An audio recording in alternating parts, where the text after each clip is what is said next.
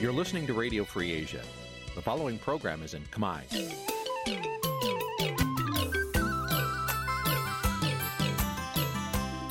Nǐ chi càm bi tiệp xáy vệt chiu a zì sáy. នេះជាកម្មវិធីផ្សាយរបស់ Vithu Azisari ជាភាសាខ្មែរ វត្តឈូអាស៊ីសេរីសូមស្វាគមន៍លោកអ្នកនាងទាំងអស់ពីរដ្ឋធានី Washington នៃសហរដ្ឋអាមេរិកបាទពីរដ្ឋធានីវ៉ាស៊ីនតោនខ្ញុំបាទសនចាររថាសូមជម្រាបសួរលោកអ្នកនាងអ្នកស្ដាប់វិទ្យុអេស៊ីសរ៉ៃទាំងអស់ជាទីមេត្រីខ្ញុំបាទសូមជូនការផ្សាយសម្រាប់ព្រឹកថ្ងៃសុក្រពីកើតខែមករាឆ្នាំខាលចត្វាស័កពុរសករាជ2566ត្រូវនៅថ្ងៃទី25ខែវិច្ឆិកាគ្រិស្តសករាជ2022បាទជាដំបូងនេះ សូមអញ្ជើញលោកអ្នកនាងស្ដាប់ព័ត៌មានប្រចាំថ្ងៃដែលមានមេតិការដូចតទៅ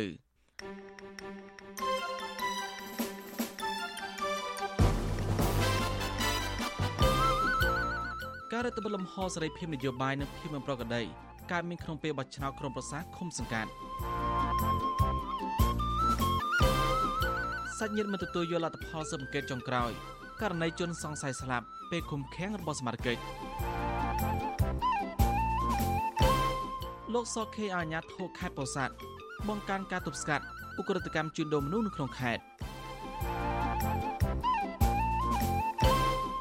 ប្រវត្តិតស៊ូរបស់ជនជាតិដើមភាគតិចភ្នងលោកក្រើងដុល្លារពីសកម្មជនទៅជាអ្នកការពារសិទ្ធិមនុស្ស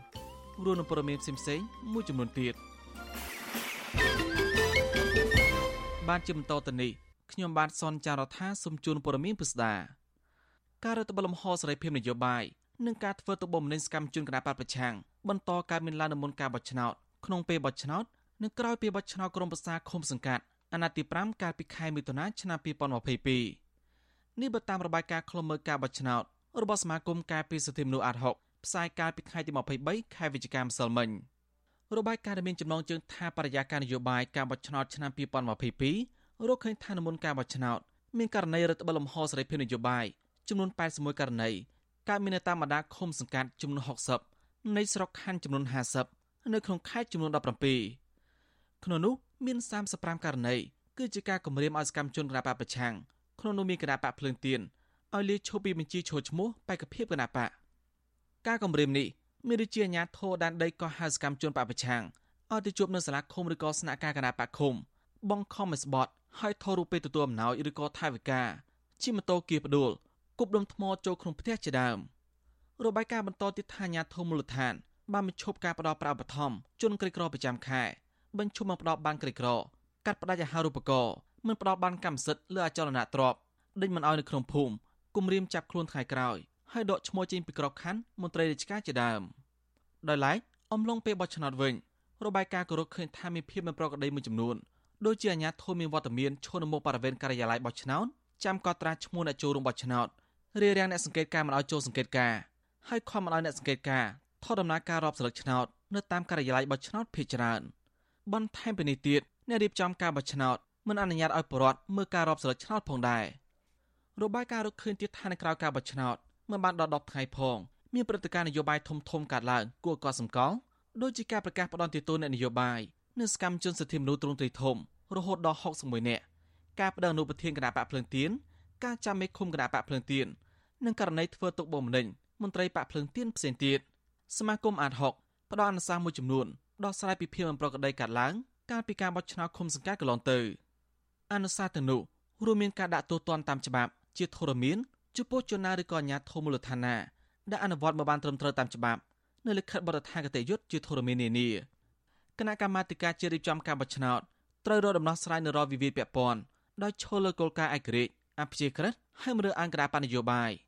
ចំពោះវិវាទតាក់ទងទៅនឹងការបោះឆ្នោតក៏បីត្រូវដោះស្រាយដោយច្បាប់បោះឆ្នោតក្រសួងមហាផ្ទៃត្រូវត្រួតពិនិត្យឲ្យដោះស្រាយជាបន្ទាន់ឲ្យឈប់រើអង្គគ្រប់ទម្រង់គណៈបញ្ញយោបាយដែលបានជាប់ឆ្នោតដោយរៀបចំឲ្យបេក្ខជនជាប់ឆ្នោតគ្រប់គណៈបញ្ញយោបាយអាចចូលបំពេញតួនាទីភារកិច្ចតាមច្បាប់កំណត់មន្ត្រីរដ្ឋាភិបាលនិងកោជបមិនទាន់ឆ្លើយតបនឹងរបាយការណ៍របស់សមាគមអាត់ហុកនៅឡើយទេកាលពីថ្ងៃទី23ខែវិច្ឆិកាបើទោះបីជាយ៉ាងណា ទាំងកោចបនិងគណៈបកការអំណាចបានដាក់ពាក្យប្តឹងប្រឆាំងទៅនឹងការរិះគន់ពីភាពមិនប្រក្រតីដែលបានកើតឡើងក្នុងការបោះឆ្នោតក្រុមប្រឹក្សាឃុំសង្កាត់កាលពីខែមិថុនាកន្លងទៅ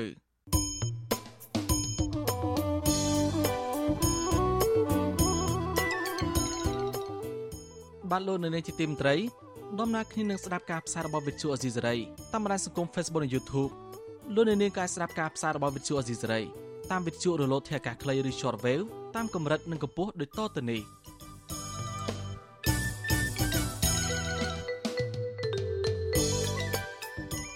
ពេលព្រឹកចាប់ពីម៉ោង5កន្លះដល់ម៉ោង6កន្លះតាមរយៈរលកធាតុអាកាសខ្លី9.39 MHz ឬស្មើនឹងកម្ពស់ 32m និង11.85 MHz ឬស្មើនឹងកម្ពស់ 25m ពេលយប់ចាប់ពីម៉ោង7កន្លះដល់ម៉ោង8កន្លះ តាមរយៈរលកធាតុអាកាសខ្លី9.39 MHz ឬស្មើនឹងកម្ពស់ 32m ឬ15.15 MHz ស្មើនឹងកម្ពស់ 20m និង11.88 MHz ស្មើនឹងកម្ពស់ 20m បាទសូមអរគុណ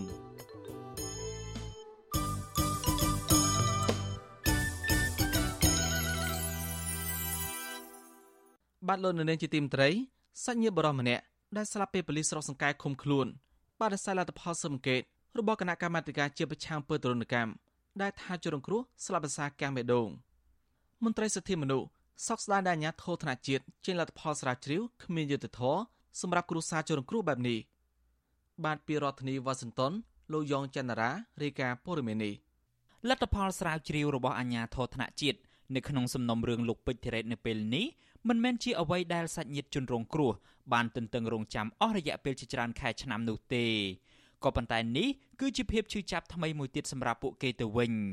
បងស្រីរបស់លោកពេជ្រធីរ៉េតគឺលោកស្រីពេជ្រលីណាប្រាប់វិទ្យុអាស៊ីសេរីកាលពីយប់ថ្ងៃទី24វិច្ឆិកាថាលោកស្រីមិនអាចទទួលយកបានទេចំពោះលទ្ធផលស្រាវជ្រាវនៃគណៈកម្មាធិការជាតិប្រឆាំងទារុណកម្មនៅក្នុងសំណុំរឿងប្អូនស្រីរបស់លោកស្រីនេះលោកស្រីបញ្ជាក់ថារបាយការណ៍នេះប្រឆាចពីការពិតនិងគ្មានយុត្តិធម៌ ឯកឧត្តមលោកពូនុតសាអានបានចេញសេចក្តីប្រកាសជំហានដំបូងកាលពីថ្ងៃទី16មិថុនាឆ្នាំ2021ច្បាស់ណាស់គាត់ថាសមត្ថកិច្ចស្តុកកង្កែហ្នឹងជាប់ពាក់ព័ន្ធក្នុងការវាយធ្វើទរណកម្មស្រាលឬធ្ងន់មកលើជនសង្ស័យប្អូនប្រុសខ្ញុំ ប៉ុន្តែហេតុអីបានជាឥឡូវនេះកន្លះវិញថាអត់មានជាប់ពាក់ព័ន្ធវិញហេតុអីប្រើពេលវេលាស្រាវជ្រាវរាប់ខែរាប់ឆ្នាំហើយឥឡូវបែរចេញដីប្រកាសមកបែបនេះវិញហើយខ្ញុំឆ្លងមួយទៀតថៅថាពេលដែលសមត្ថកិច្ចតុកតង្កែទាំងអស់ហ្នឹងជាប់សង្ស័យកាលពីឆ្នាំមុនហើយចុះហេតុអីបានជាខាងគណៈកម្មការប្រឆាំងទរណកម្មមិនមានចំណាត់ការអីចាប់ខាត់ខ្លួនសមត្ថកិច្ចទាំងអស់នោះអត់មានផ្ដល់យុទ្ធធម៌មកឲ្យគ្រួសារជនរងគ្រោះមកឲ្យប្អូនខ្ញុំទេអត់មានទេ ប្រតិកម្មរបស់សាច់ញាតិជនរងគ្រោះនេះកើតមានឡើងក្រោយពេលគណៈកម្មាធិការជាតិប្រឆាំងទារុណកម្មបានចេញសេចក្តីសន្និដ្ឋានចុងក្រោយ កាលពីថ្ងៃទី24ខែវិច្ឆិកាថាករណីស្លាប់របស់លោកពេជ្រធីរ៉េតនៅក្នុងអធិការដ្ឋាននគរបាលស្រុកសង្កែខេត្តបាត់ដំបងនោះគឺមិនជាប់ពាក់ព័ន្ធទៅនឹងការធ្វើទារុណកម្មដោយក្រុមមន្ត្រីប៉ូលីសនោះឡើយផ្ទុយទៅវិញ ស្ថាប័នជំនាញមួយនេះអះអាងថា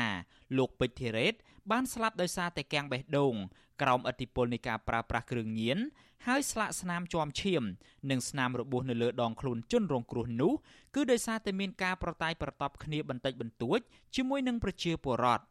លោកពេជ្រធីរ៉េតអាយុ31ឆ្នាំបានស្លាប់ពេលប៉ូលីសចាប់ឃុំខ្លួនសួរចម្លើយនៅក្នុងអធិការដ្ឋាននគរបាលស្រុកសង្កែអស់រយៈពេលជាង3ម៉ោងកាលពីដើមឆ្នាំ2021 ពាក់ព័ន្ធទៅនឹងការសង្ស័យថាលោក បានរាយខ្សែភ្លើងឆក់សម្លាប់ប្រពន្ធផ្ទុយពីលទ្ធផលស្រាវជ្រាវចុងក្រោយនេះប្រធានគណៈកម្មាធិការជាតិប្រឆាំងទារុណកម្មគឺលោកនុតសាអាន ធ្លាប់បានអះអាងប្រាប់វិទ្យុអាស៊ីសេរីថាការស៊ើបអង្កេតរបស់ក្រុមការងារលោកកន្លងមកនោះរកឃើញថាប៉ូលីសស្រុកសង្កែជាប់ពាក់ព័ន្ធទៅនឹងការប្រើហិង្សាទៅលើជនសង្ស័យលោកនុតសាអានក៏ធ្លាប់បានស្ដីបន្ទោសទៅលើគណៈកម្មការកោសលវិច័យសាកសពផងដែរថាមន្ត្រីទាំងនោះ ធ្វើការលុំលុំគ្មានភាពច្បាស់លាស់ពីព្រោះមន្ត្រីខ្លះចេះតែសន្និដ្ឋានថាជនសង្ស័យស្លាប់ដោយសារប្រើប្រាស់គ្រឿងញៀនហួសកម្រិតជុំវិញរឿងនេះអ្នកនាំពាក្យសមាគមការពារសិទ្ធិមនុស្សអាត6លោកសឹងសែនករណាសោកស្ដាយដែលអាញាធរជំនាញថ្នាក់ជាតិចេញលទ្ធផលចុងក្រោយខុសពីអ្វីដែលបានរកឃើញនិងលើកឡើងពីដំបូងបែបនេះលោកយល់ថា រឿងនេះមានភាពមិនប្រក្រតីដែលទាមទារឲ្យស្ថាប័នពាក់ព័ន្ធត្រួតពិនិត្យឡើងវិញដើម្បីផ្ដល់យុត្តិធម៌ដល់ជនរងគ្រោះ។ ថ្នាក់ដឹកនាំនៃស្ថាប័នពាក់ព័ន្ធទាំងអស់ហ្នឹងគួរស្រាវជ្រាវហើយក៏រកឃើញថាមន្ត្រីទាំងឡាយដែលអនុវត្តនៅកិច្ចការងារហ្នឹងមានផលប្រយោជន៍ក៏ពាក់ព័ន្ធទៅនឹងអំពើពុករលួយក្នុងរឿងហ្នឹងគួរតែមានវិធានការដើម្បីធ្វើយ៉ាងណាចាត់វិធានការទៅលើជននិងកុំឲ្យមានការប្រព្រឹត្តអំពើបែបហ្នឹងទៀតហើយបន្តក្នុងការស្វែងរកយុត្តិធម៌ទៅលើជនរងគ្រោះនិងគ្រួសារជនរងគ្រោះទៀតអាហ្នឹងគឺជារឿងដែលយើងចង់ឃើញដើម្បីធ្វើយ៉ាងណាបញ្ចប់នៅអំពើរាតនភាពនៅក្នុងប្រទេសកម្ពុជាយើងនឹង ករណីស្លាប់លោកពេជ្រធីរ៉េតនេះសាច់ញាតិជនរងគ្រោះបញ្ជាក់ថាពួកគាត់កាន់តែខកចិត្តថែមទៀតពីព្រោះក្រៅពីគ្មានយុត្តិធម៌ហើយនោះអធិការនគរបាលស្រុកសង្កែលោកសុនសវណ្ណបានឡើងឋានន្តរស័ក្តិคล้ายជាស្នងការរងនគរបាលខេត្តបាត់ដំបងថែមទៀតនៅក្នុងពេលលោកកំពុងជាប់សង្ស័យនៅក្នុងអំពើទារុណកម្មនេះបងស្រីរបស់ជនរងគ្រោះលោកស្រីពេជ្រលីណា អំពាវនាវដល់លោកនាយរដ្ឋមន្ត្រីហ៊ុនសែនឲ្យជួយអន្តរាគមន៍រោគយុតិធធដល់ប្អូនប្រុសរបស់លោកស្រី ពីព្រោះតែលោកស្រី ហាក់លែងមានជំនឿទៅលើស្ថាប័នជំនាញតទៅទៀតហើយខ្ញុំយ៉ងច័ន្ទដារាវិទ្យុអាស៊ីសេរីរាយការណ៍ពីរដ្ឋធានី Washington អាស៊ីសេរីបាទលោកនៅនាងជាទីមន្ត្រីជនជាដើមភិតិភ្នោលោកក្រឹងដុល្លារដែលឆ្លាញ់នឹងពេញចិត្តវិស័យការពារសិទ្ធិមនុស្សបានតស៊ូពីអ្នកតស៊ូមតិនៅក្នុងសហគមន៍ បានក្លាយជាអ្នកការពារសិទ្ធិមនុស្សក្នុងអង្គការសិទ្ធិមនុស្សឈានមុខគេមួយក្នុងស្រុកមន្ត្រីសង្គមស៊ីវិលនិងជនជាតិអភិតិចរំពឹងថាជនជាតិភិតិចភ្នំរំនេះអាចជួយលើកដំកើងសិទ្ធិពលរដ្ឋសិទ្ធិជនជាតិអភិតិចឲ្យកាន់តែទូលំទូលាយថែមទៀតបាទលោកនាងនឹងបានស្ដាប់សេចក្តីរាយការណ៍ពីរឿងនេះនៅពេលបន្តិចទៀតនេះបាទសូមអរគុណបាទលោកនាងជាទីមេត្រីសាលាដំបងរាជធានីភ្នំពេញបន្តបើកសវនាការចំនួនចម្រះលើសំណុំរឿងសកម្មជនបពប្រឆាំង និងមន្ត្រីគណៈបកប្រឆាំង39នាក់ពីបទចោទរូបកណ្ដក្បត់ថ្ងៃទី24ខែវិច្ឆិកា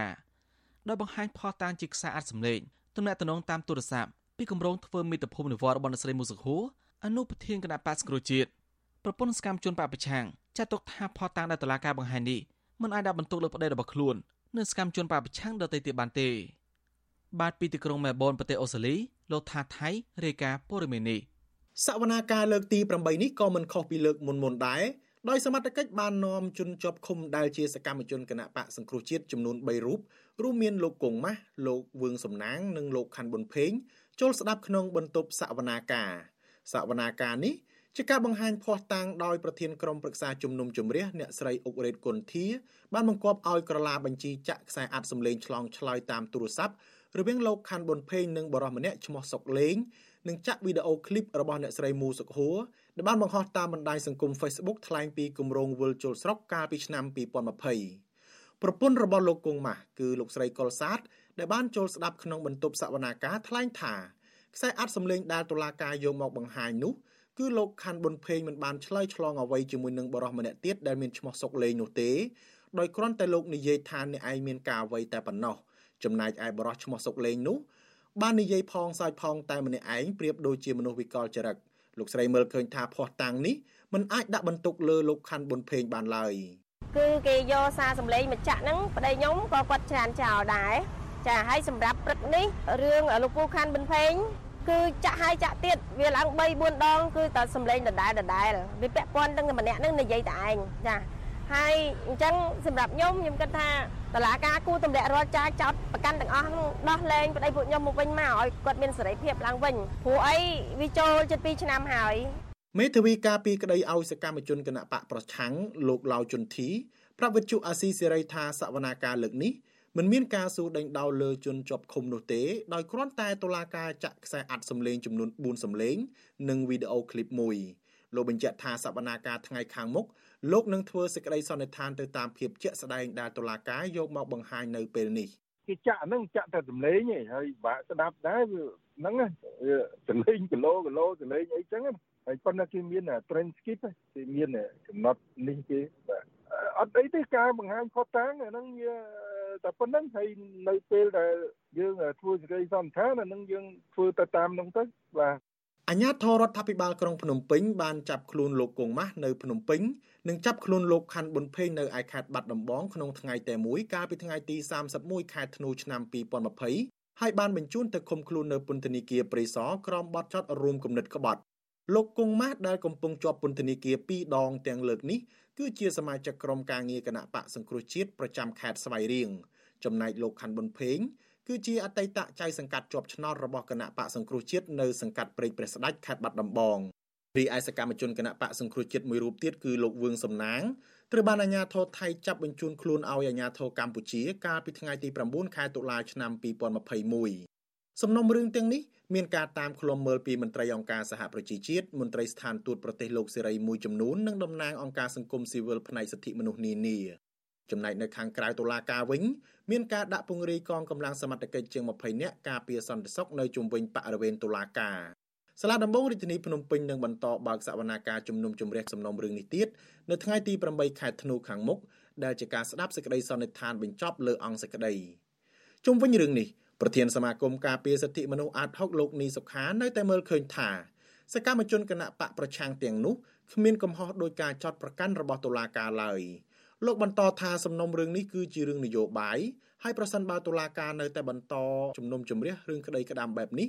ដូច្នេះរូបភាពនៃសវនាការគ្រាន់តែជាការធ្វើឡើងដើម្បីបង្ក្រប់កិច្ចតែប៉ុណ្ណោះតែយ៉ាងណាលោកបញ្ជាក់ថាការធ្វើបែបនេះនឹងមិនបានផលចំណេញអ្វីឡើយដល់ប្រទេសជាតិផ្ទុយទៅវិញវាកាន់តែបង្ហាញឲ្យឃើញពីភាពកំសោយនៃប្រព័ន្ធតុលាការទៅវិញទេ ឲ្យអ្នកនយោបាយទាំងអស់ហ្នឹងងាកទៅផ្សះផ្សានិងធ្វើការដោះស្រាយបញ្ហានយោបាយនឹងឡើងវិញទៅកុំឲ្យប្រើប្រាស់យន្តការតឡាការហ្នឹងដើម្បី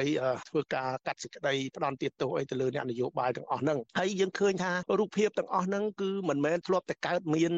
លើកទី1ទេនៅប្រទេសកម្ពុជាគឺថាអ្នកនយោបាយដែលជាប់ទោសជាប់ទណ្ឌហ្នឹងគឺមានច្រើនលើកច្រើនសារមកហើយតាំងពីក្រោយបោះឆ្នោតឆ្នាំ1993មកយើងដឹងហើយហើយមិនដែលមានការ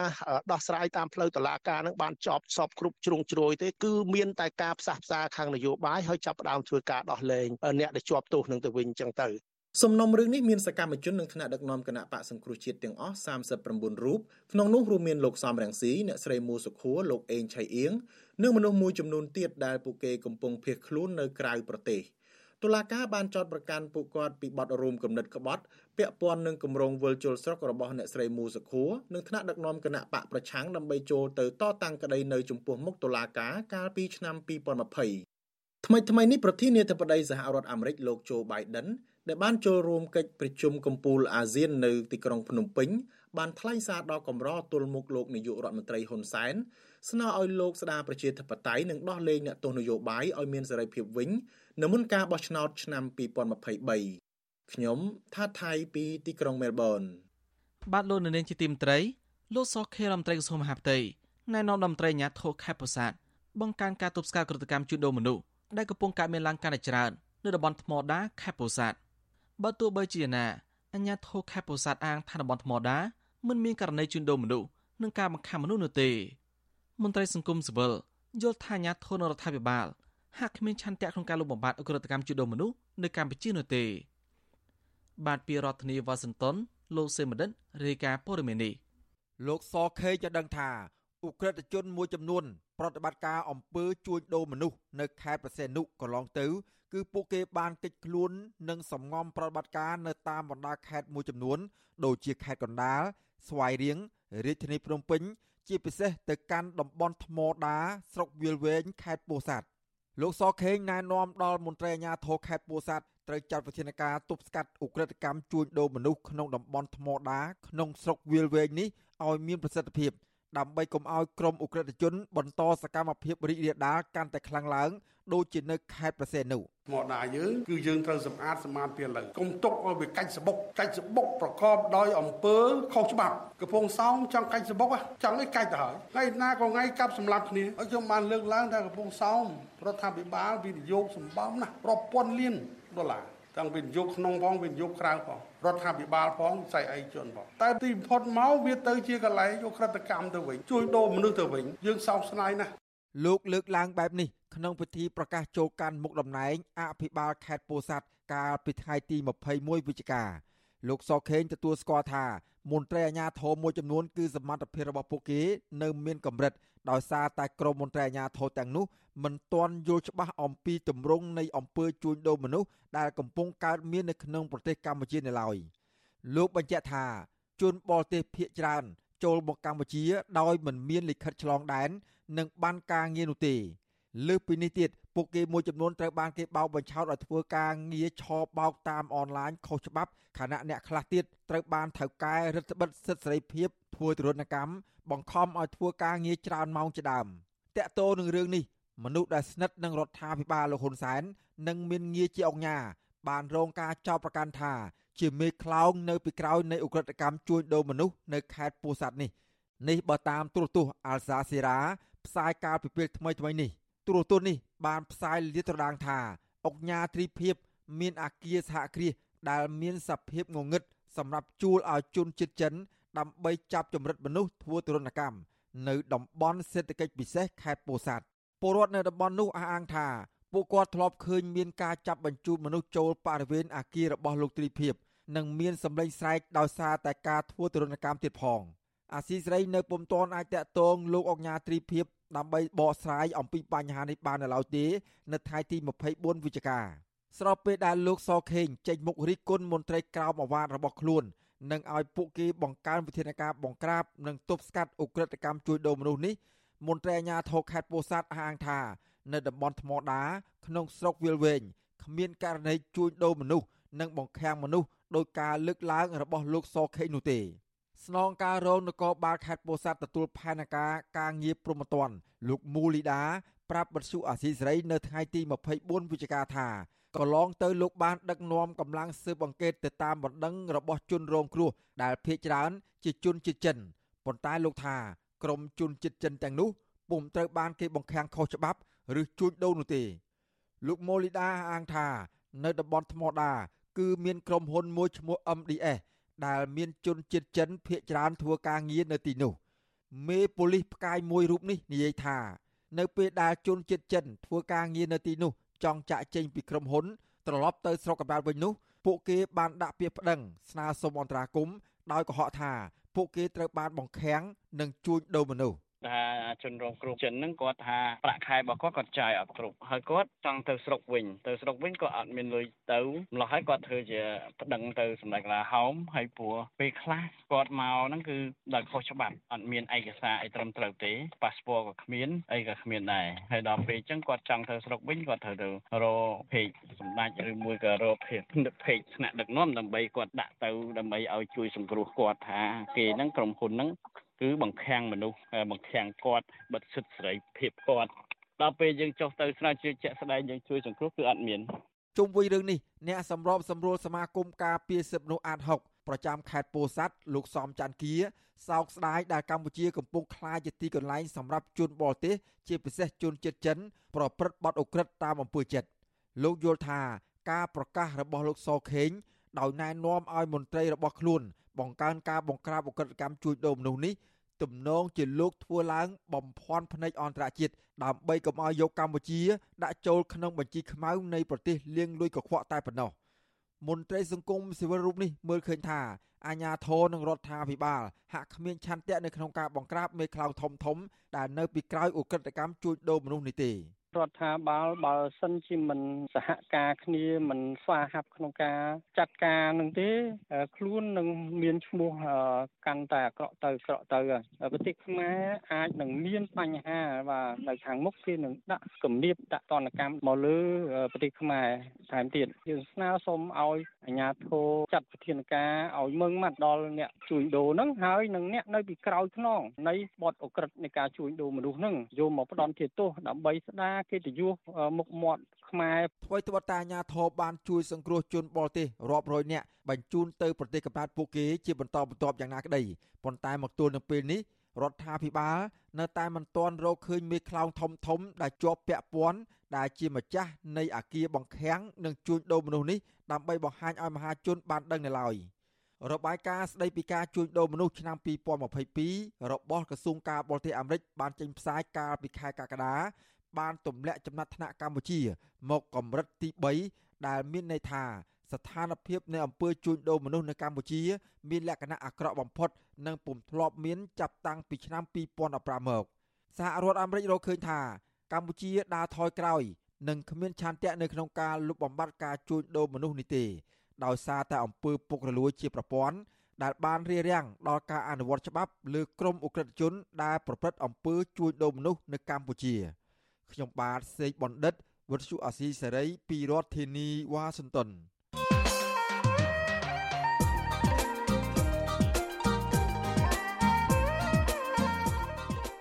បានលោកនាងជាទីមន្ត្រីមេដឹកនាំគណៈបកប្រឆាំងដ៏ធំជាងគេនៅម៉ាឡេស៊ីលោកអាន់វ៉ាអ៊ីប្រាហ៊ីមត្រូវបានតែងតាំងជានាយករដ្ឋមន្ត្រីថ្មីហើយក្រោយពីលោកបានតស៊ូដឹកនាំគណៈបកប្រឆាំងក្នុងឆាននយោបាយអស់ពេលច្រើនទសវត្សរ៍កន្លងមកនៅមុនពេលលោកបានទទួលជោគជ័យលើការបោះឆ្នោតដ៏ត្រចះត្រចង់នេះ លោកក៏ធ្លាប់ត្រូវបានគណៈបកកណ្ដាលអំណាចចាប់ដាក់ពន្ធនាគារម្ដងជាពីរដងដែរ ប៉ុន្តែលោកមិនដកថយក្នុងការដឹកនាំគណៈបកប្រឆាំងដើម្បីចូលរួមការបោះឆ្នោតទេនៅទីបំផុតការតស៊ូនឹងសម្បត្តិរបស់លោកបានคล้ายជាការពិតតាមរយៈការបោះឆ្នោតកាលពីថ្ងៃសៅរ៍ទី19វិច្ឆិកាកន្លងទៅគឺសម្ព័ន្ធគណៈបកប្រឆាំងរបស់លោកបានទទួលជ័យជំនះតើការព្យាយាមនិងវរៈភាពរបស់លោកអាន់វ៉ាអ៊ីប្រាហ៊ីមនេះជាគំរូនៃការតស៊ូប្រឆាំងនិងមេដឹកនាំផ្ដាច់ការបែបណាបាទសុំលោកនាង រងចាំស្ដាប់មេទីវិទ្យាអ្នកស្ដាប់វិទ្យុអាស៊ីសេរីដែលនឹងជជែកអំពីបញ្ហានេះនៅយប់ថ្ងៃសុក្រនេះក៏បីខានប្រសិនបើលោកនាងមានសំណួរចង់សួរពីក្មួយរបស់យើងឬក៏បញ្ជាមតិយោបល់សូមលោកនាងដាក់លេខទូរស័ព្ទរបស់លោកនាងក្នុងខ្ទង់ comment ក្នុង Facebook ឬក៏ YouTube របស់អាស៊ីសេរីក្រុមការងាររបស់វិទ្យុអាស៊ីសេរីនឹងហៅទៅលោកនាងវិញបាទសូមអរគុណ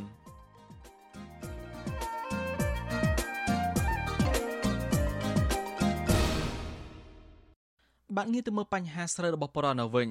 ប្រជាកសិករខេត្តបាត់ដំបងរិះគន់ថាវិធានការរបស់អាជ្ញាធរមិនតដោះស្រាយបញ្ហាតម្លៃស្រូវចុះថោកនៅឡើយទេ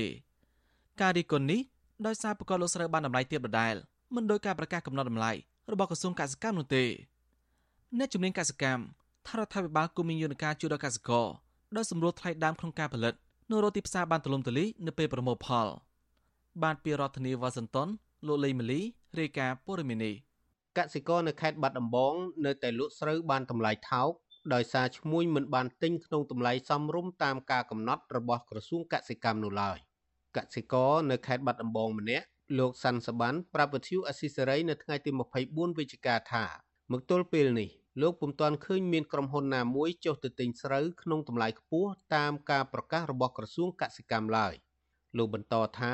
សម្រាប់ស្រូវផ្កាម្លិះ1គីឡូក្រាមលោកលក់បានតម្លៃតែ700រៀលប៉ុណ្ណោះខណៈស្រូវប្រភេទនេះក្រសួងបានកំណត់តម្លៃ1040រៀលក្នុង1គីឡូក្រាមលោកសង្ស័យថាឈ្មួញទាំងនោះមានគំនិតខិលខូចឆ្លៀតឱកាសទិញស្រូវពីកសិករក្នុងតម្លៃទាបនិងលក់ទៅឲ្យរោងម៉ាស៊ីនឬក៏ក្រុមហ៊ុនក្នុងតម្លៃដែលក្រសួងបានកំណត់លោកបន្ថែមថា កសិករនឹងនៅតែបន្តរងគ្រោះបើក្រសួងកសិកម្មដាក់ចេញតែសេចក្តីប្រកាសតែគ្មានការតាមដាន និងអនុវត្តត្រឹមត្រូវបណ្ដោយឲ្យឈ្មួញខិលខូចទាំងនោះបន្លំកេងប្រវ័ញ្ចកសិករបែបនេះ វេទនាឆ្នាំនេះវេទនាមែនទែនអាកន្លែងក្រុមហ៊ុននឹងវាទិញតម្លៃនឹងដល់ប៉ុន្តែខ្លាយអាឈ្មោះ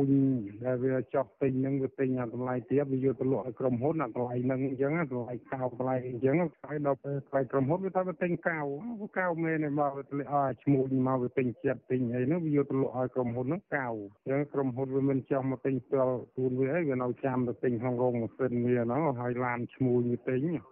ក្រសួងកសិកម្មនៅថ្ងៃទី17វិច្ឆិកាបានសម្របសម្រួលឲ្យក្រុមហ៊ុនបៃតងប្រមូលទិញស្រូវក្នុងតម្លៃ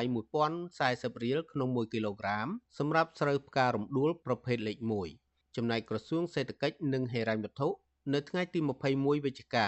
បានប្រកាសផ្តល់ថវិកា93លានដុល្លារលើមូលនិធិទិញស្រូវពីប្រជាកសិករដើម្បីបញ្ជាការទម្លាក់ថ្លៃពីឈ្មួញខលខូចមួយចំនួន។ ក្រោយការប្រកាសរបស់ក្រសួងកសិកម្មមានសកម្មភាពរថយន្តសណ្ដោងរមាក់របស់ក្រុមហ៊ុន និងរោងម៉ាស៊ីនកិនស្រូវមួយចំនួន បានប្រមូលទិញស្រូវពីប្រជាកសិករតាមតម្លៃដែលក្រសួងកសិកម្មបានកំណត់ប៉ុន្តែការកំណត់តម្លៃនោះមិនបានគ្រប់ទូទាំងខេត្តឡើយដោយតំបន់និងខេត្តខ្លះកសិករនៅតែលក់ស្រូវបានក្នុងតម្លៃថោកប្រជាកសិករនៅខេត្តបាត់ដំបងនិងបន្ទាយមានជ័យនៅតែអះអាងថាឈ្មោះទិញស្រូវពួកគាត់ក្នុងតម្លៃទាបដដែល។ ចំណែកពលរដ្ឋខ្លះថាមិនឃើញមានក្រុមហ៊ុនឬមូលនិធិណាមួយចុះទៅទិញស្រូវពួកគាត់នៅឡើយទេដែលធ្វើឲ្យពួកគាត់មានការខកចិត្តចំពោះក្រសួងកសិកម្មដែលបានតែចេញសេចក្តីប្រកាសតែការអនុវត្តគ្មានប្រសិទ្ធភាពជាពិសេសមិនតាមដានការងាររបស់អាជ្ញាធរថ្នាក់ក្រោមឡើយ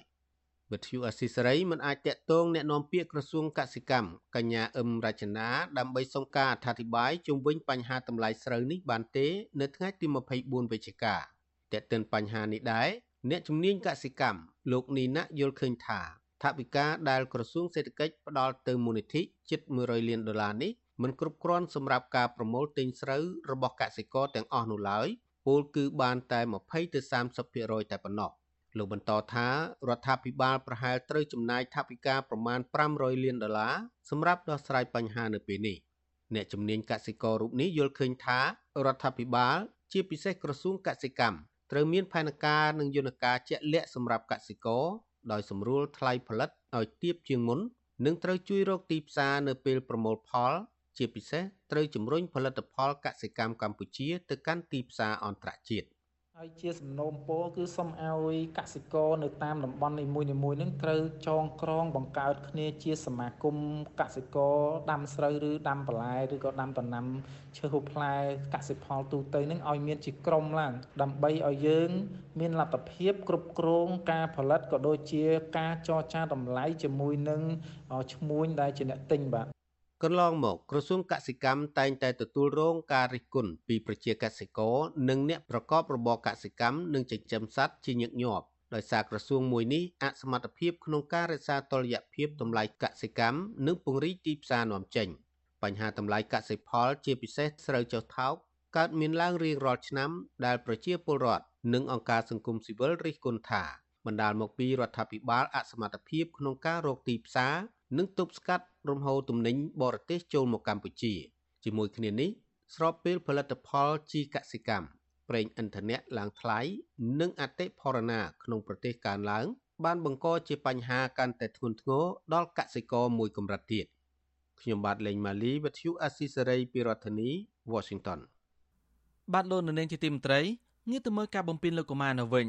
កុមារខ្មែរមួយចំនួននៅប្រទេសថៃដែលពុកម្ដាយម្ដាយប្រើទូរស័ព្ទដោយសេរី ច្រើនរងការបៀតបៀនផ្លូវភេទតាមប្រព័ន្ធអ៊ីនធឺណិតដំណឹងខ្លួនការបំពេញផ្លូវភេទលោកកុមារតាមបណ្ដាញសង្គមជាបទល្មើសមួយដែលពិបាកបង្ក្រាបដោយសារជនល្មើសអាចបង្កប់ខ្លួនគ្រប់ទីកន្លែងហើយងាយស្រួលក្នុងការប្រព្រឹត្តបទល្មើសទាំងសង្គមស៊ីវិលនិងរដ្ឋាភិបាលពុទ្ធបារម្ភពីបទល្មើសផ្លូវភេទលោកកុមារក្នុងបច្ចេកវិទ្យានេះកាន់តែរីកសាយខ្លាំងបាទពីរដ្ឋធានីវ៉ាស៊ីនតោនអ្នកស្រីសុជីវីរាយការណ៍ព័ត៌មាននេះកុមារខ្មែរមួយចំនួនដែលរស់នៅជាមួយឪពុកម្ដាយនៅប្រទេសថៃបានរងគ្រោះ ពីការរំលោភបំពានផ្លូវភេទតាមប្រព័ន្ធបណ្ដាញសង្គមដូចជាការបង្ហោះរូបភាពអះអាភាសចូលទៅក្នុងទូរស័ព្ទដៃដែលកុមារកំពុងប្រើប្រាស់ការគំរាមឬលួងលោមកុមារឲ្យបង្ហាញអវយវៈភេទនិងជជែកជាមួយកុមាររឿងរួមភេទជាដើមទង្វើទាំងអស់នេះបានកើតឡើងនៅពេលឪពុកម្ដាយមិននៅផ្ទះដោយសារអាណាព្យាបាលមិនបានតាមដានឲ្យបានដិតដល់ពីការប្រើប្រាស់ទូរស័ព្ទដៃរបស់កូន។ ពលករនីខ្មែរម្នាក់កំពុងធ្វើការផ្នែកអនាម័យនៅទីក្រុងបាងកកលោកស្រីសាទសឿបប្រាប់វិទ្យុអាស៊ីសេរីថា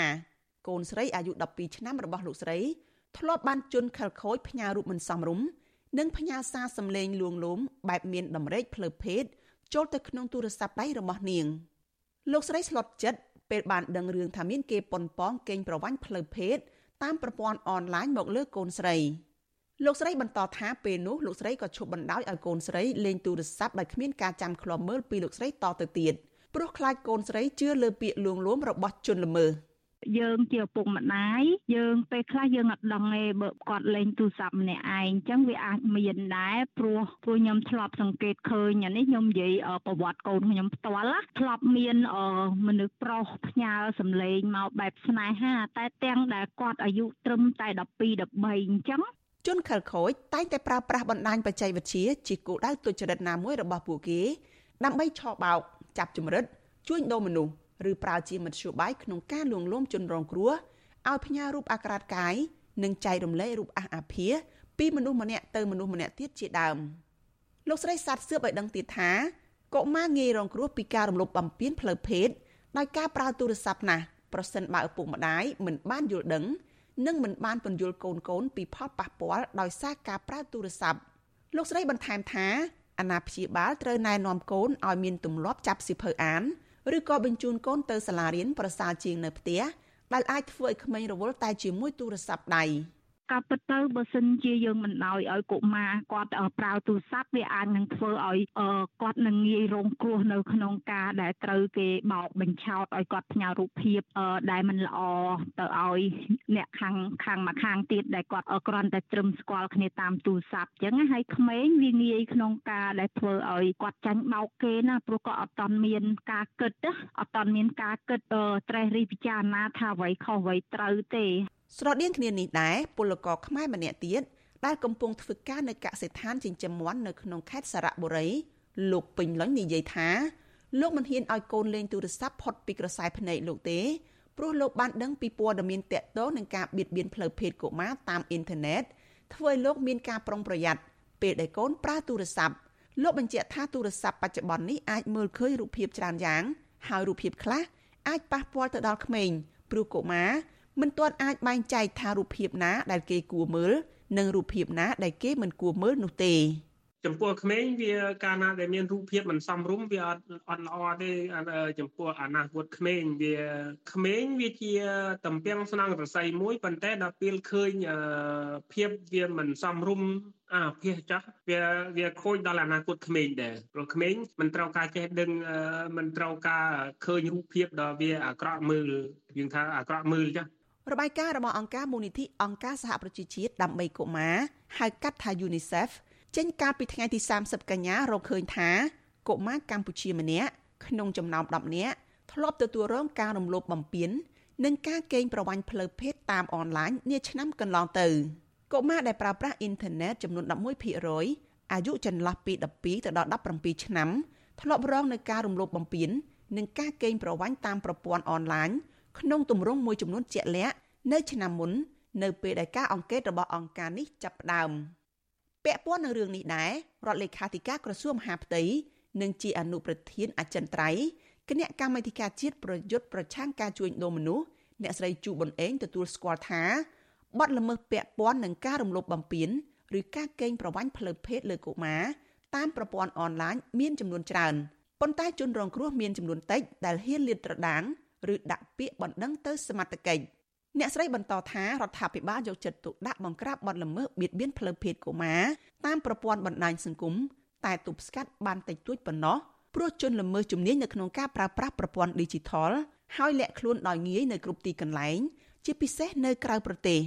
អ្នកស្រីអំពាវនាវដល់អាណាព្យាបាលពិសេសអ្នកប្រើប្រាស់អ៊ីនធឺណិតផ្ទាល់ត្រូវយល់ដឹងឲ្យបានច្រើនពីហានិភ័យរបស់ប្រព័ន្ធបច្ចេកវិទ្យា ហើយត្រូវប្រុងប្រយ័ត្នដោយខ្លួនឯងដើម្បីបង្ការកុំឲ្យជនល្មើសមានឱកាសបង្កគ្រោះភ័យដល់ខ្លួនបាន។ ពីគេហៅថាផលប៉ះពាល់ទៅលើប្រព័ន្ធអនឡាញចំពោះកុមារហ្នឹងឲ្យយើងមានការប្រុងប្រយ័ត្នប៉ុន្តែយើងអាចនិយាយបានថាការគ្រប់គ្រង Wi-Fi ឬមួយក៏គេហៅប្រព័ន្ធតាក់ទងហ្នឹងមិនមែនជាសមត្ថកិច្ចរបស់កម្ពុជាអាចធ្វើបានម្នាក់ឯងទេពីព្រោះរឿងហ្នឹងគឺជារឿងវល់វាយហើយការប្រើប្រាស់របស់គេហៅថាមនុស្សគ្រប់រូបដែលប្រើប្រព័ន្ធអនឡាញហ្នឹងគឺវាស្ថិតនៅក្នុងលំហអាកាសនោះហើយវាតាក់ទងទៅនឹងអ្នកដែលគ្រប់គ្រងរឿងហ្នឹងពិភពលោកឯនោះជុំវិញរឿងនេះដែរប្រធានផ្នែកប្រយុទ្ធប្រឆាំងការជួញដូរមនុស្សនិងទេសន្តប្រវេសរបស់អង្គការសង្ត្រាល់លោកឌីថេហូយ៉ាលើកឡើងថាកុមារងាយរងគ្រោះពីការបៀតបៀនផ្លូវភេទតាមបណ្ដាញសង្គមផ្សេងផ្សេងព្រោះកុមារមិនអាចគ្រប់គ្រងខ្លួនឯងបាននៅពេលប្រើទូរស័ព្ទលោកអំពាវនាវដល់អាណាព្យាបាលត្រូវតាមដានសកម្មភាពរបស់កូនកូនជិះវៀងជនខិលខូចឆ្លៀតឱកាសប្រើប្រាស់បណ្ដាញសង្គមមកលួងលោមកេងប្រវ័ញ្ចផ្លូវភេទលើកុមារ ពុកម្ដាយដែលជាអ្នកវិទ្យាបាលក៏ត្រូវតែតាមដានមើលកូន ពាក់ព័ន្ធនឹងការប្រើប្រាស់ប្រព័ន្ធអ៊ីនធឺណិតណាដូចជាសប្តាហ៍ថ្ងៃហ្នឹងគឺយើងឃើញបណ្ដោយឲ្យកូនប្រើប្រាស់ទូរស័ព្ទដៃខ្លួនឯង smartphone ដែលមានប្រើប្រាស់អ៊ីនធឺណិតប្រព័ន្ធទំនាក់ទំនងហើយអាប្រព័ន្ធទាំងអស់ហ្នឹងកាលណាមិនទាន់គ្រប់អាយុការគិតរបស់គាត់មិនជាជម្រៅគាត់នឹងអាចឆ្លៃទៅជាចំណីនៃអំពើ harass មានន័យថាការមលុបពៀនទាំងផ្លូវភេទឬមួយប្រឈមពីអំពើជួញដូរផ្សេងៗហ្នឹងបាទរបាយការណ៍របស់អង្គការ UNICEF ឲ្យដឹងថា ប្រសិនបើគិតតាមចំនួនប្រជាជនកម្ពុជាកុមារក្រោមអាយុប្រមាណ7.2លាននាក់ធ្លាប់បានទទួលរងការបំពាននិងការកេងប្រវ័ញ្ចផ្លូវភេទតាមអនឡាញរបាយការណ៍ដដែលបញ្ជាក់ថាមានក្មេងប្រុសច្រើនជាងក្មេងស្រីធ្លាប់ទទួលរងការរំលោភបំពាននិងការកេងប្រវ័ញ្ចតាមប្រព័ន្ធអនឡាញក្នុងទម្រង់មួយចំនួនដូចជាត្រូវបានគេសុំឲ្យគាត់ចែករំលែករូបភាពឬវីដេអូអំពីសរីរាង្គបន្តពូជរបស់ខ្លួន ដែលពួកគេមិនចង់ធ្វើឬយល់ព្រមឬត្រូវបានគេគំរាមកំហែងឲ្យចូលរួមនៅក្នុងសកម្មភាពរួមភេទនាងខ្ញុំសុជីវីវិទ្យុអាស៊ីសេរីពីរដ្ឋធានី Washington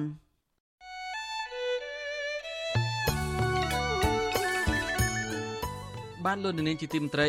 នៅក្នុងឱកាសនេះដែរខ្ញុំបានសូមថ្លែងអំណរគុណដល់លោកនាងកញ្ញាទាំងអស់ ដែលតែងតែមានភក្ដីភាពចំពោះការផ្សាយរបស់យើងហើយចាត់ទុកការស្ដាប់វិទ្យុអាស៊ីសេរីជាផ្នែកមួយនៃសកម្មភាពប្រចាំថ្ងៃរបស់លោកនាង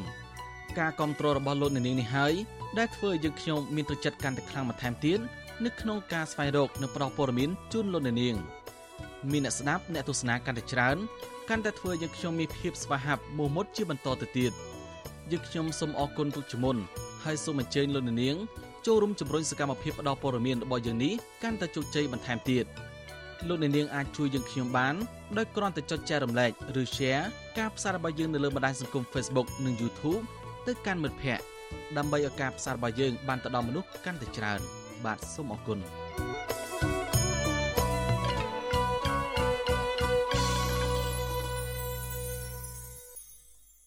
បាទលោកនៅនាងជាទីមន្ត្រីជនជាដើមភិតិភ្នោលោកក្រឹងដុល្លារ ដែលឆ្លៃនឹងពេញចិត្តវិស័យការពារសិទ្ធិមនុស្សបានតស៊ូពីអ្នកតស៊ូមតិនៅក្នុងសហគមន៍បានក្លាយជាអ្នកការពារសិទ្ធិមនុស្សក្នុងអង្គការសិទ្ធិមនុស្សឈានមុខគេមួយក្នុងស្រុកមន្ត្រីសង្គមស៊ីវិលនិងជនជាតិអភិតិចរំពឹងថាជនជាតិភេតិចភ្នំរំនេះអាចជួយលើកដំកើងសិទ្ធិពលរដ្ឋសិទ្ធិជនជាតិអភិតិចឲ្យកាន់តែទូលំទូលាយថែមទៀតបាទពីរដ្ឋធានីវ៉ាស៊ីនតោនអ្នកស្រីម៉ៅសុធីនីរាយការណ៍ព័ត៌មាននេះ លោកគ្រឿងដុល្លារបានคล้ายពីអ្នកតស៊ូមតិនៅក្នុងសហគមន៍ទៅជាអ្នកការពារសិទ្ធិមនុស្សលោកគ្រឿងដុល្លារថានេះជាឱកាសដែលលោកអាចបំពេញការងារជាអ្នកការពារសិទ្ធិមនុស្សបានទូលំទូលាយជាងមុនហើយក៏អាចធ្វើឲ្យប្រជាសហគមន៍កាន់តែយល់ដឹងថែមទៀតពីសិទ្ធិរបស់ខ្លួន ពីការគ្រប់គ្រងដីចម្ការដីផ្ទះនិងដីកប់សពជាដើម បរោះសម្បល់ខ្មៅជនជាតិដើមភាគតិចភ្នងរូបនេះមានជំនឿថានៅពេលដែលបរតនៅក្នុងសហគមន៍ជាពិសេសជនជាតិដើមភាគតិចយល់ដឹងពីសិទ្ធិរបស់ខ្លួនពួកគេនឹងមិនភ័យខ្លាចក្នុងការប្រើប្រាស់សិទ្ធិរបស់ខ្លួនទៀតឡើយ។ ខ្ញុំក៏ថាវាជាឱកាសមួយ សម្រាប់ក្នុងការរៀនសូត្រហើយជាឱកាសមួយ សម្រាប់បង្កើនការយល់ដឹងរបស់ខ្ញុំហើយក៏ដូចជាជាឱកាសមួយសម្រាប់ជួយដល់សហគមន៍នៅខេត្តនូគ្រីនឹងឲ្យមានការកើនឡើងឲ្យគាត់យល់ពីសិទ្ធិរបស់គាត់បាទបងជាដើមផ្សេងយើងមានសិទ្ធិរហូតដល់5ពិសេសកន្លែងហ្នឹងណាបង គាត់មានដីដីចំការ1ដីផ្ទះ2គាត់មានព្រៃតំណមគាត់មានកន្លែងកប់សពហើយនឹងព្រៃគាត់សម្រាប់ក្រងទុកដល់កូនដល់ចៅសម្រាប់អនាគតអញ្ចឹងគាត់ខុសខុសគ្នារហូតដល់3អញ្ចឹងអានេះហើយគេហៅថាច្បាប់ពិសេសរបស់ជំនាញបន្តិចបងលោកគ្រឿងដុល្លារមានវ័យ32ឆ្នាំ បានកសាងគ្រួសារជាមួយស្ត្រីជនជាតិដើមភាគតិចដូចគ្នា និងទទួលបានកូន2នាក់ជាចំណងដៃ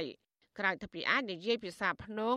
លោកក៏បានរៀនចប់បរិញ្ញាបត្ររងផ្នែកគ្រប់គ្រងធនធានមនុស្សហើយសប្តាហ៍កំពុងបន្តការសិក្សាថ្នាក់បរិញ្ញាបត្រផ្នែកច្បាប់ថែមទៀតលោកគ្រឿងដុល្លារទៅចូលបំពេញការងារមន្ត្រីខ្លំមើលសិទ្ធិមនុស្សនៃសមាគមការពារសិទ្ធិមនុស្សអាត6ប្រចាំខេត្តមណ្ឌលគិរីកាលពីពេលថ្មីថ្មីនេះប៉ុន្តែលោកក៏បានធ្វើការងារក្នុងវិស័យសិទ្ធិមនុស្សជិត10ឆ្នាំមកហើយ មុនពេលដែលខ្លាចជាអ្នកតស៊ូមតិលោកគ្រឿងដុល្លារគឺជាមន្ត្រីជាប់កិច្ចសន្យានៅសាលាដំបងខេត្តមណ្ឌលគិរីហើយលោកក៏ធ្លាប់ជាបុគ្គលិកក្រុមហ៊ុនឯកជនផងដែរ ដោយសារតែចិត្តស្រឡាញ់ការងារសហគមន៍និងការលើកកម្ពស់ផ្នែកសិទ្ធិមនុស្សលោកគ្រឿងដុល្លារបានលាឈប់ពីការងារទាំងនេះនិងបានផ្ដួចផ្ដើមបង្កើតបណ្ដាញសហគមន៍ជនជាតិដើមភាគតិច កាលពីឆ្នាំ2015ហើយបានជាប់ជាប្រធានសហគមន៍មួយអាណត្តិដែលមានរយៈពេល3ឆ្នាំ។ ក្រោយមកលោកក៏បានបដូរកាន់តួនាទីជាទីប្រឹក្សាសហគមន៍ជនជាតិដើមភាគតិចវិញម្ដង និងចុងក្រោយនេះលោកក៏បានក្លាយជាអ្នកការពារសិទ្ធិមនុស្សរបស់សមាគមការពារសិទ្ធិមនុស្សអាត6លោកគ្រឿងដុល្លារឲ្យដឹងដែរថាកន្លងមក លោកបានតស៊ូមតិជាមួយសមត្ថកិច្ចដោយបានស្នើឲ្យដល់លែងប្រជាពលរដ្ឋដែលមានបញ្ហាដីធ្លី ពីព្រោះសមត្ថកិច្ចបានចាប់ពលរដ្ឋខុសនីតិវិធី ហើយពលរដ្ឋក៏ត្រូវបានសមត្ថកិច្ចដោះលែងមកវិញ គេហៅថារួបរวมកម្លាំងសាមគ្គីគ្នាណាសហគមន៍ទូទាំងខេត្តហ្នឹងអាហ្នឹងជាគោលបំណងដែលខ្ញុំបង្កើតកាលហ្នឹងបាទទី2ឲ្យមានសម្លេងតែមួយបាទយុទ្ធតាមតិចក្នុងខេត្តមនោគរីហ្នឹងគឺឲ្យមានសម្លេងតែមួយដើម្បីស្នើសុំឬទាមទារអ្វីមួយពីអាជ្ញាធរមូលដ្ឋានឲ្យគាត់ជួយដោះស្រាយបាទទី3ហ្នឹងគឺយើងគោលបំណងរបស់យើងហ្នឹងគឺរក្សាការពារវប្បធម៌ប្រពៃណីវប្បធម៌ហ្នឹងដូចជាដីធ្លីព្រៃឈើហ្នឹងការរំលោភបំពានសិទ្ធិយុត្តិធម៌ប្រតិហ្នឹង តកតងនឹងការបំពេញការងារលើផ្នែកសិទ្ធិមនុស្សនៅពេលនេះលោកគ្រឿងដុល្លារយល់ថាទោះបីជាការងារដូចគ្នាក៏ដោយក៏ប៉ុន្តែរបៀបធ្វើការងារខុសគ្នាពីព្រោះពីមុន លោកធ្វើការបែបឯករាជ្យប៉ុន្តែពេលនេះលោកត្រូវបំពេញការងារដែលមានក្រមសីលធម៌គោរពបទបញ្ជាផ្ទៃក្នុង និងវិន័យរបស់ស្ថាប័នលោកឲ្យដឹងទៀតថាការងារថ្មីនេះលោកទទួលបន្ទុកផ្នែកដីធ្លី ប្រៃឈើសិទ្ធិស្ត្រី និងសិទ្ធិកុមារ យើងធ្វើអន្តរកម្មទៅតាមគេហៅថា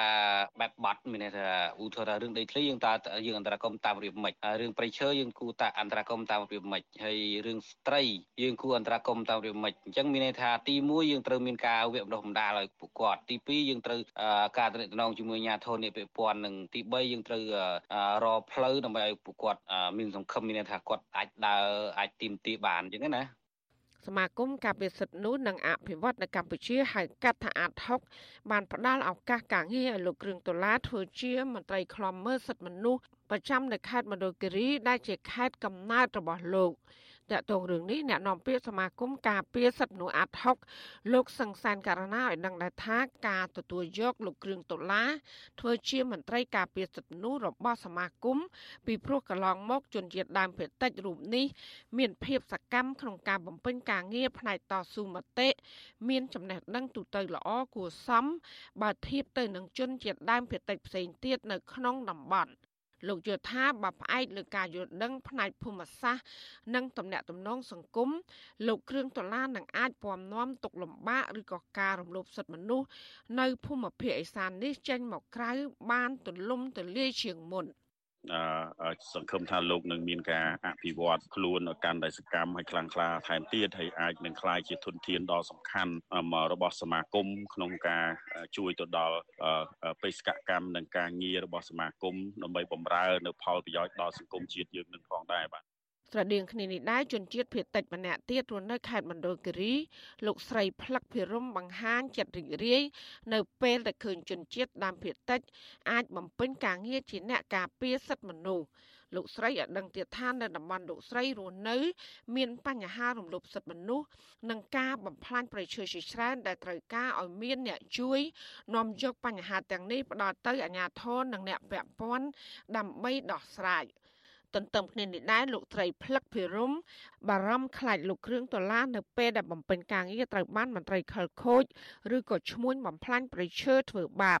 ទោះយ៉ាងណាស្ត្រីជនជាតិដើមភាគតិចភ្នងរូបនេះអះអាងថាប្រសិនបើលោកគ្រឿងដុល្លារបំពេញការងារដើម្បីបម្រើប្រយោជន៍សង្គមនិងបរដ្ឋបើសិនជាទួលទទួលរងការគំរាមកំហែងដោយសារតែការបំពេញការងារនេះ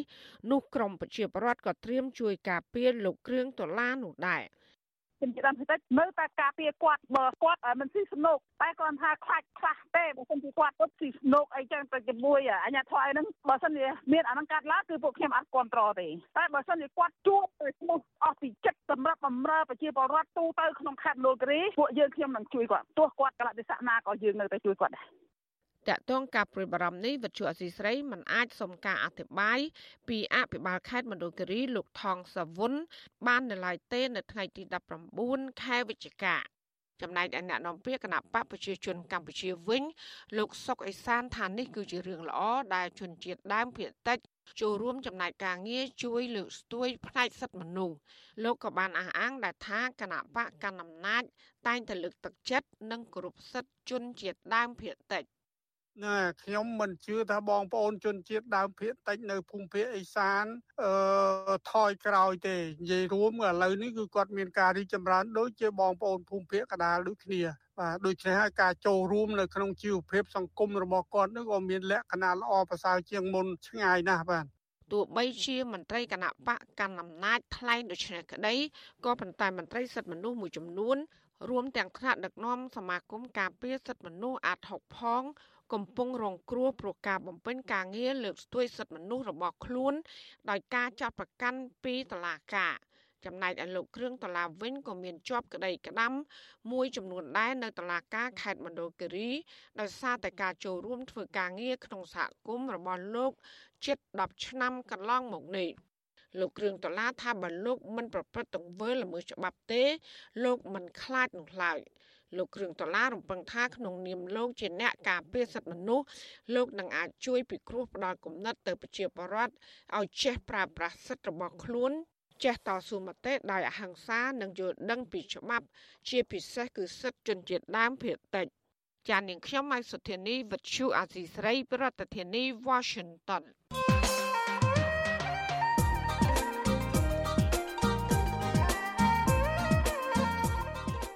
បានលោកនាងជាទីមន្ត្រីមេដឹកនាំគណៈបកប្រឆាំងដ៏ធំជាងគេនៅម៉ាឡេស៊ីលោកអាន់វ៉ាអ៊ីប្រាហ៊ីម ត្រូវបានតែងតាំងជានាយករដ្ឋមន្ត្រីថ្មីហើយក្រោយពីលោកបានតស៊ូដឹកនាំគណៈបកប្រឆាំងក្នុងឆាននយោបាយអស់ពេលច្រើនទសវត្សរ៍កន្លងមកនៅមុនពេលលោកបានទទួលជោគជ័យលើការបោះឆ្នោតដ៏ត្រចះត្រចង់នេះលោកក៏ធ្លាប់ត្រូវបានគណៈបកកណ្ដាលអំណាចចាប់ដាក់ពន្ធនាគារម្ដងជាពីរដងដែរប៉ុន្តែលោកមិនដកថយក្នុងការដឹកនាំគណៈបកប្រឆាំងដើម្បីចូលរួមការបោះឆ្នោតទេនៅទីបំផុតការតស៊ូនឹងសម្បត្តិរបស់លោកបានคล้ายជាការពិត តាមរយៈការបោះឆ្នោតកាលពីថ្ងៃសៅរ៍ទី19វិច្ឆិកាកន្លងទៅគឺសម្ព័ន្ធគណៈបកប្រឆាំងរបស់លោកបានទទួលជ័យជំនះតើការព្យាយាមនិងវិរៈភាពរបស់លោកអាន់វ៉ាអ៊ីប្រាហ៊ីមនេះជាគំរូនៃការតស៊ូប្រឆាំងនឹងមេដឹកនាំផ្ដាច់ការបែបណា បាទសុំលោកនាងរងចាំស្ដាប់នេតិវិទ្យាអ្នកស្ដាប់វិទ្យុអេស៊ីសេរីដែលនឹងជជែកអំពីបញ្ហានេះនៅយប់ថ្ងៃសុក្រនេះក៏បីខានប្រសិនបើលោកនាងមានសំណួរចង់សួរពីក្មួយរបស់យើងឬក៏បញ្ជាមតិយោបល់សូមលោកនាងដាក់លេខទូរស័ព្ទ របស់លោកនាងក្នុងខ្ទង់ comment ក្នុង Facebook ឬក៏ YouTube របស់អេស៊ីសេរីក្រុមការងាររបស់វិទ្យុអេស៊ីសេរីនឹងហៅទៅលោកនាងវិញ បាទសូមអរគុណ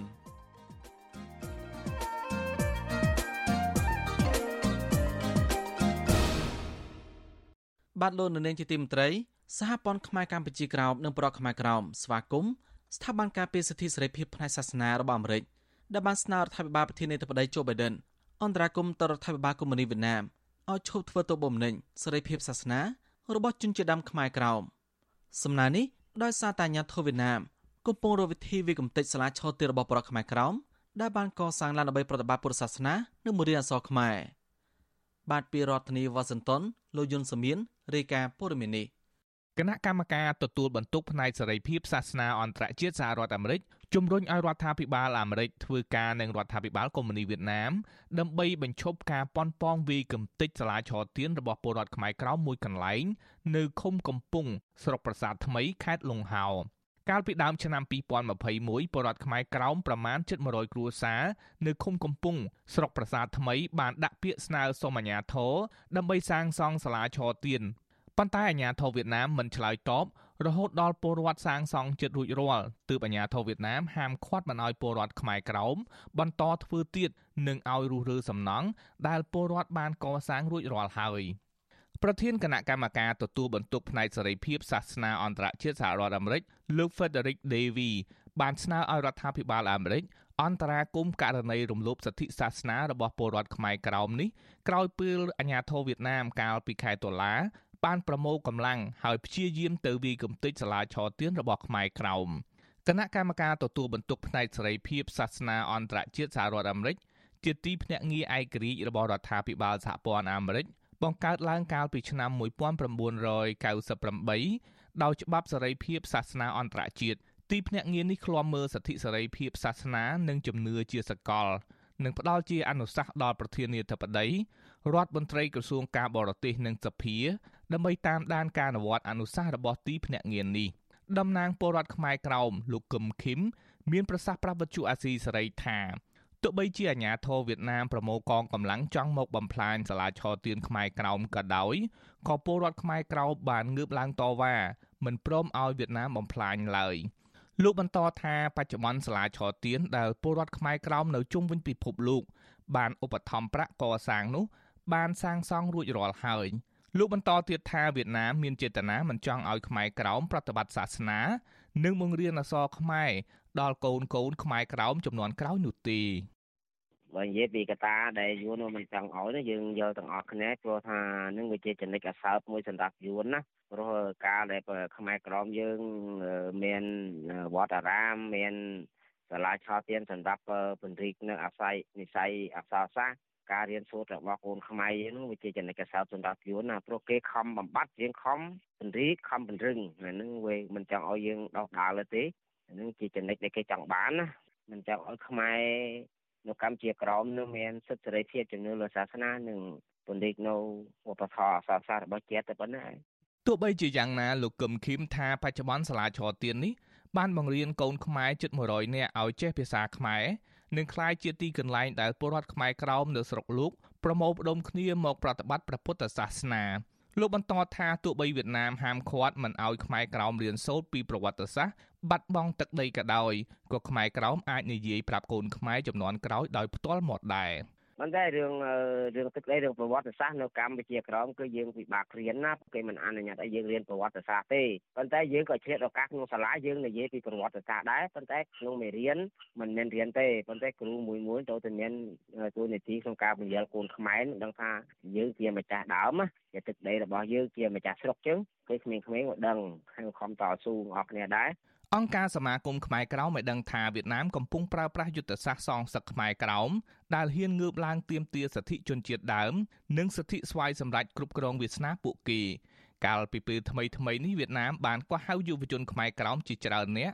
ដែលហ៊ានតស៊ូមតិរឿងសិទ្ធិជនជាតិដើមទៅសាកសួរនិងគំរាមចាប់ដាក់ពន្ធនាគារជាបន្តបន្ទាប់ការសងសឹករបស់វៀតណាមនេះផ្ទុយទៅនឹងការសន្យារបស់ខ្លួនក្នុងការលើកស្ទួយសិទ្ធិមនុស្ស សប្តាហ៍ថ្ងៃនេះវៀតណាមជាសមាជិកក្រុមប្រឹក្សាសិទ្ធិមនុស្សរបស់អង្គការសហប្រជាជាតិសម្រាប់អាណត្តិ3ឆ្នាំចាប់ពីឆ្នាំ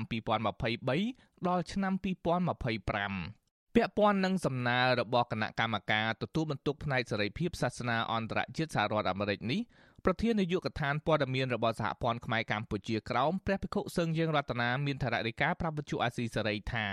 អន្តរាគមរបស់គណៈកម្មការទទួលបន្ទុកផ្នែកសេរីភាពសាសនាអន្តរជាតិសហរដ្ឋអាមេរិកជាការលើកទឹកចិត្តដល់ខ្មែរក្រោមដើម្បីបន្តការតស៊ូការពារសិទ្ធិសេរីភាពផ្នែកសាសនា មន្ត្រីរបស់សហរដ្ឋអាមេរិកផ្នែកអន្តរសាសនា មានការចាប់អារម្មណ៍នេះហើយបានធ្វើឲ្យ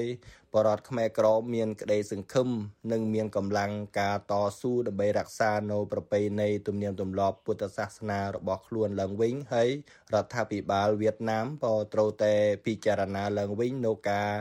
មហិច្ឆតារបស់រដ្ឋាភិបាលវៀតណាមចង់ទៅគំតិកនៅសាលាឆទានរបស់បរតខ្មែរក្រមនោះប៉ុ រដ្ឋាភិបាលវៀតណាមមិនទាន់ឆ្លើយតបនឹងសំណើរបស់គណៈកម្មការទទួលបន្ទុកផ្នែកសេរីភាពសាសនាអន្តរជាតិសហរដ្ឋអាមេរិកនៅឡើយទេមកទល់នឹងថ្ងៃទី21វិច្ឆិការបាយការណ៍សេរីភាពសាសនារបស់ក្រសួងការបរទេសអាមេរិកសម្រាប់ឆ្នាំ2021ចេញផ្សាយកាលពីខែមិថុនាសរសេរថារដ្ឋធម្មនុញ្ញវៀតណាមបានអនុញ្ញាតឲ្យពលរដ្ឋមានសិទ្ធិជ្រើសរើសជំនឿនិងសាសនា ប៉ុន្តែច្បាប់វៀតណាមក៏បានអនុញ្ញាតឲ្យអាជ្ញាធរដាក់កំហិតលើការប្រតិបត្តិសេរីភាពសាសនាដោយសំអាងលើបញ្ហាសន្តិសុខជាតិនិងរបៀបរៀបរយសង្គមរបាយការណ៍ឲ្យដឹងទៀតថាមេដឹកនាំសាសនាដែលវៀតណាមមិនទទួលស្គាល់តែងតែរងការធ្វើទុកបុកម្នេញរួមទាំងការចាប់ដាក់ពន្ធនាគារនិងទទួលរងអំពើហិង្សាជាដើមស្ថានភាពសេរីភាពសាសនាវៀតណាមសម្រាប់ឆ្នាំ2020និង2019មានលក្ខណៈស្រដៀងគ្នាដែរ គឺរដ្ឋាភិបាលវៀតណាមនៅតែសកម្មក្នុងការធ្វើទុកបុកម្នេញសេរីភាពផ្នែកសាសនាលើក្រុមសហគមន៍ជនជាតិដើម រួមទាំងម៉ុងតាញាជាដើមខ្ញុំយុនសាមៀនវិទ្យុអាស៊ីសេរីប្រធានាធិបតី Washington